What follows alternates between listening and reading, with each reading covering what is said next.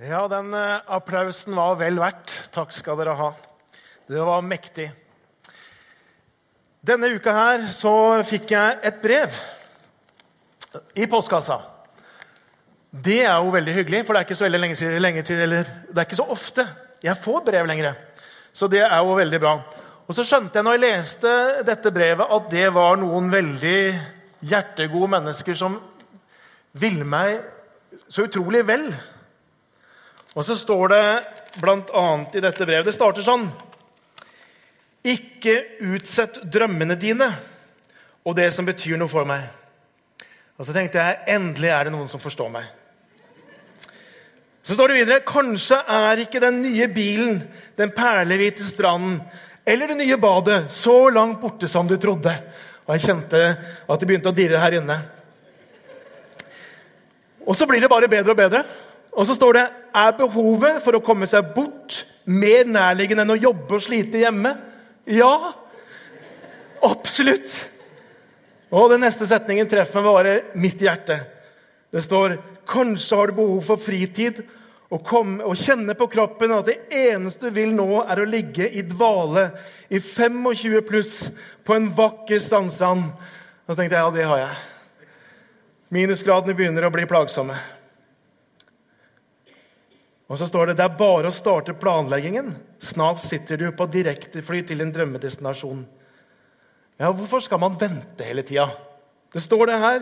Spareprosess kan være langtekkelig og drøy. Isteden er det altså disse hjertegode menneskene som vil lyse opp en mørk og travel adventstid for meg, som sier og gi meg muligheten til å låne inntil 350 000 helt uten sikkerhet. Det er jo fantastisk. Med forbrukslån kan drømmene snart realiseres. Og så avsluttes det på følgende måte.: Forbruks, Forbrukslån uten sikkerhet gir deg større frihet. Ja, det er jo nesten for godt til å være sant. Frihet, det er det vi skal snakke litt om. Ehm, og forbrukslån, ja, det, det gir jo en slags frihet. Det gjør det. Det gir en bokstavelig talt handlefrihet der og da. Og det er jo det som det sies i reklamen. Det gir frihet. Men den friheten den har jo en annen side. Den har på en måte en bakside. Eh, og det er noe som skjer når forbruket er gjort. Når kofferten er pakka ut og brunfargen flassa av. Når det nyoppussa kjøkkenet har blitt trivielt, og den strøkne bilen har fått sin første stripe og falt 50 000 i verdi, da er det jo bokstavelig talt man betaler prisen. I form av avdrag og rente. Bare 20% som det står i brevet her. Friheten som forbrukslån gir, den er ganske kortsiktig. Og på litt sikt, og ikke så langt engang, så fører det oss rett inn i alt annet enn frihet. Tvert imot. Vi bindes opp, vi tvinges til å betale avdrag og rente i årevis. Men jeg skjønner den fristelsen av å slippe å spare. Og den frihetsfølelsen det kan gi en kort stund å få 350 000 inn på kontoen som du kan bruke til akkurat det du vil. Ingen spørsmål stilt. Jeg skjønner det. Forbrukslån gir deg større frihet, sto det i brevet. Og jeg tenker tja, det er nok i hvert fall en sannhet med store modifikasjoner. Men jeg tenker at sånn er det med dette med frihetsbegrepet på mange plan i livet, egentlig. Hva er frihet? Hva er det folk sier at frihet er? Jo, mange sier omtrent som dette frihet er å gjøre som jeg vil. Frihet er å leve som det passer meg. Frihet er å leve uten at noen, uten at noen skal sette begrensninger eller grenser rundt meg. Frihet er å leve uten ansvar. Frihet er å leve uten at noen skal kontrollere noen ting. Og Hvis du søker på nettet 'frihet for meg', så er det disse tingene som dukker opp igjen og igjen. Det er det veldig mange tenker. Men jeg tenker at litt på samme måte som friheten som et forbrukslån gir, som aldri egentlig leverer det det lover, sånn er det også med denne type frihet. Det er en slags falsk frihet eller en pseudofrihet på mange måter. Og Det jeg har lyst til å peke på i dag, og i tråd med det sterke vitnesbyrdet og historien som vi har hørt fra Rando, så er det at ekte frihet, sann frihet, virkelig frihet, det er å finne i personen Jesus Kristus. Det var derfor han kom. For å gi oss frihet.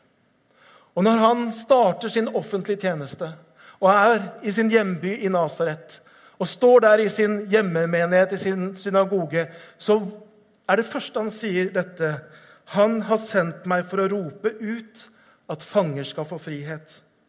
Han har eh, sendt meg, nei, Og at blinde skal få syn igjen, for å sette undertrykte fri. Jesu komme som vi markeres nå denne juletida, handler om dette at mennesker skulle bli satt i frihet. Så var det mange på den tiden som tenkte at det var en slags politisk frihet det handla om. Men Jesus han sikter dypere enn det. Han snakker om den åndelige friheten. At vi som mennesker kan være fri egentlig uansett hvordan det ser ut omkring oss. Det var det han ville gi. Og At Jesus kom for å bringe frihet, uttrykker han også tydelig et annet sted, nemlig Johannes kapittel 8, og vers 34-36. Og så står det der følgende Jesus svarte, 'Sannelig, sannelig, jeg sier dere, den som gjør synd, er slave under synden.' En slave blir ikke huset for alltid, men en sønn blir der for alltid. For Sønnen frigjort dere, da blir dere virkelig fri. Da blir dere virkelig fri. Synd sier Jesus. Uansett hvilken form eller karakter den har. Den er på mange måter litt som dette forbrukslånet som jeg snakka om. Det leverer aldri den friheten som det lover. Og det er alltid en pris å betale. Om det handler om løgn og uærlighet, om det handler om egoisme og selviskhet, eller det handler om ulike typer grenseoverskridende atferd, så er det alltid en pris å betale gjennom brutte relasjoner med mennesker Gjennom ufred i sjelen og dårlig samvittighet og et anstrengt eller et avstand fra Gud. Ulike typer bindinger og avhengigheter. Det er alltid en pris å betale. Jesus sier den som gjør synd, er slave under synden.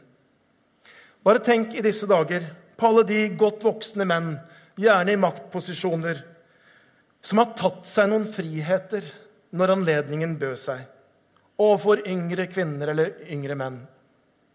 Og som i dag får sine navn revet med gjennom metoo-kampanjen. Synd har alltid sin pris.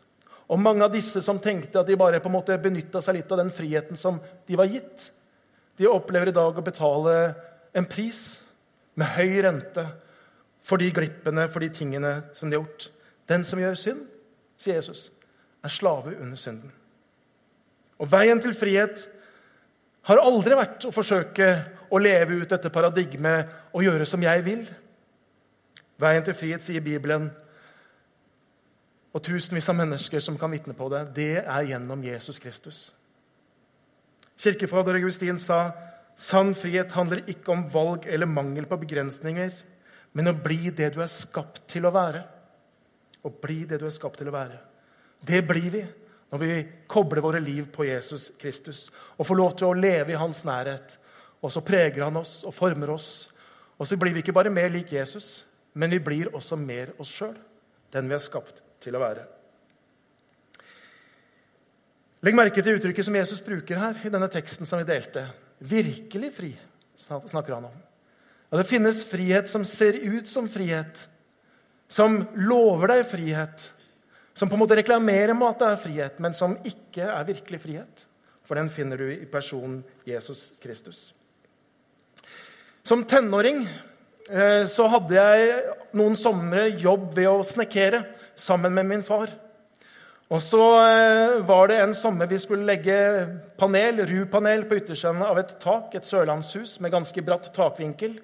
Og så husker jeg at jeg balanserte der oppe, og så hadde jeg en hammer i én hånd og en spiker i hendene. Og så skulle jeg egentlig holde meg fast med en hånd òg, men det var ikke så lett. Og så var det at Min far sa til meg kan du ikke ta et tau rundt livet og så feste det opp i mønet, sånn at du ikke faller ned. Han syntes det så litt skummelt ut. Og så kjente jeg det der, det har jeg ikke lyst til. det, så pinglete er jeg da ikke at jeg trenger et, liksom, å binde meg fast oppå der. Jeg er jo tross, tross, alt 17 år og klarer det meste. Og så gjorde jeg det likevel.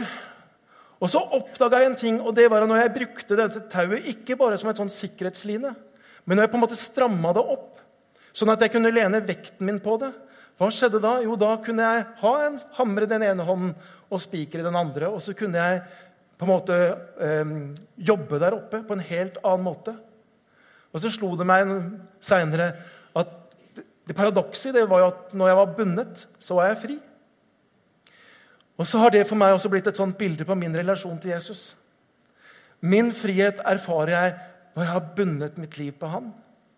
Og så går det an å ha Jesus som en sånn sikkerhetsline med stor slakk.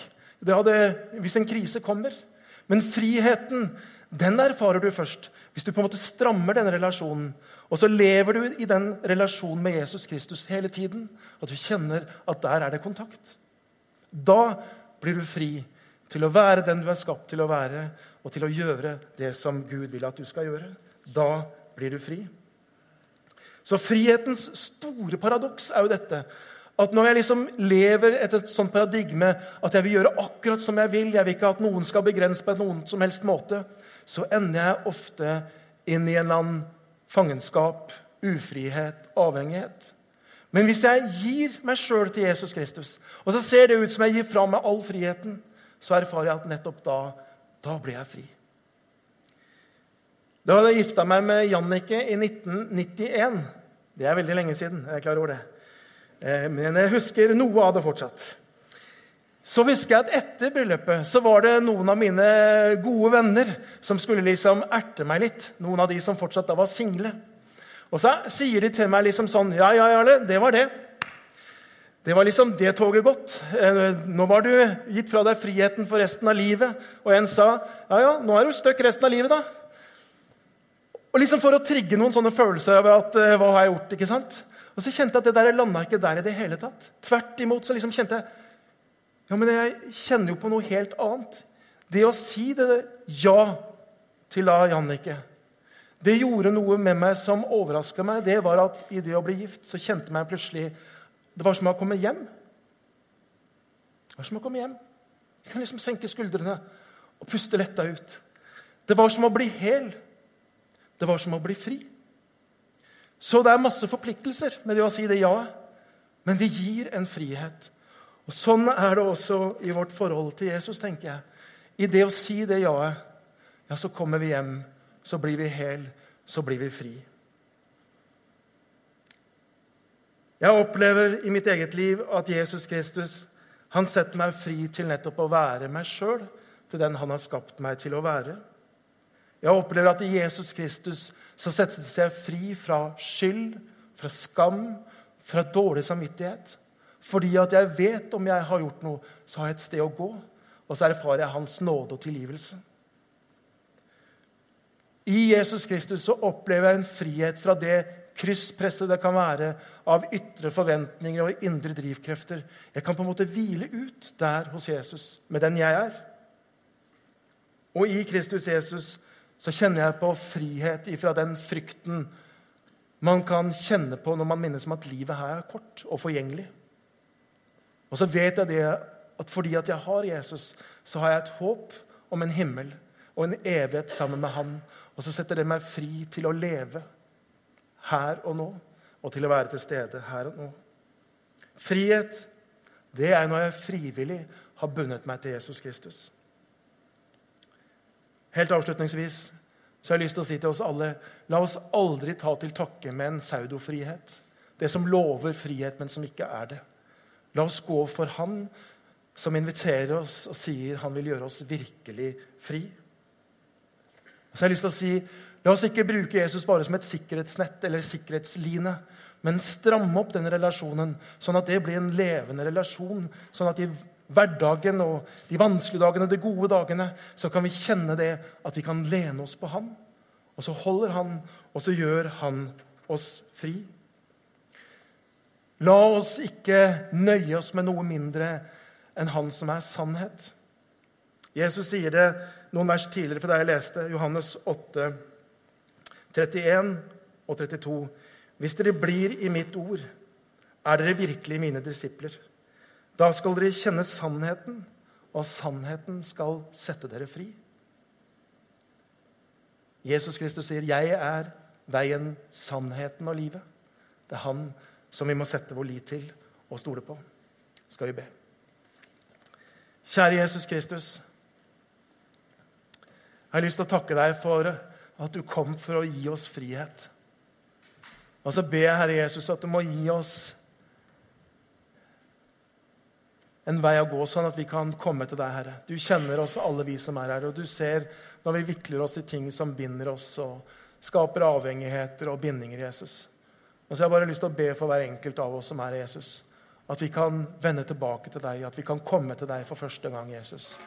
At vi kan få lov til å, å leve livet sammen med deg i en sterk og trygg relasjon. Og så er ditt løfte at du vil gjøre oss virkelig fri. Det takker jeg deg for.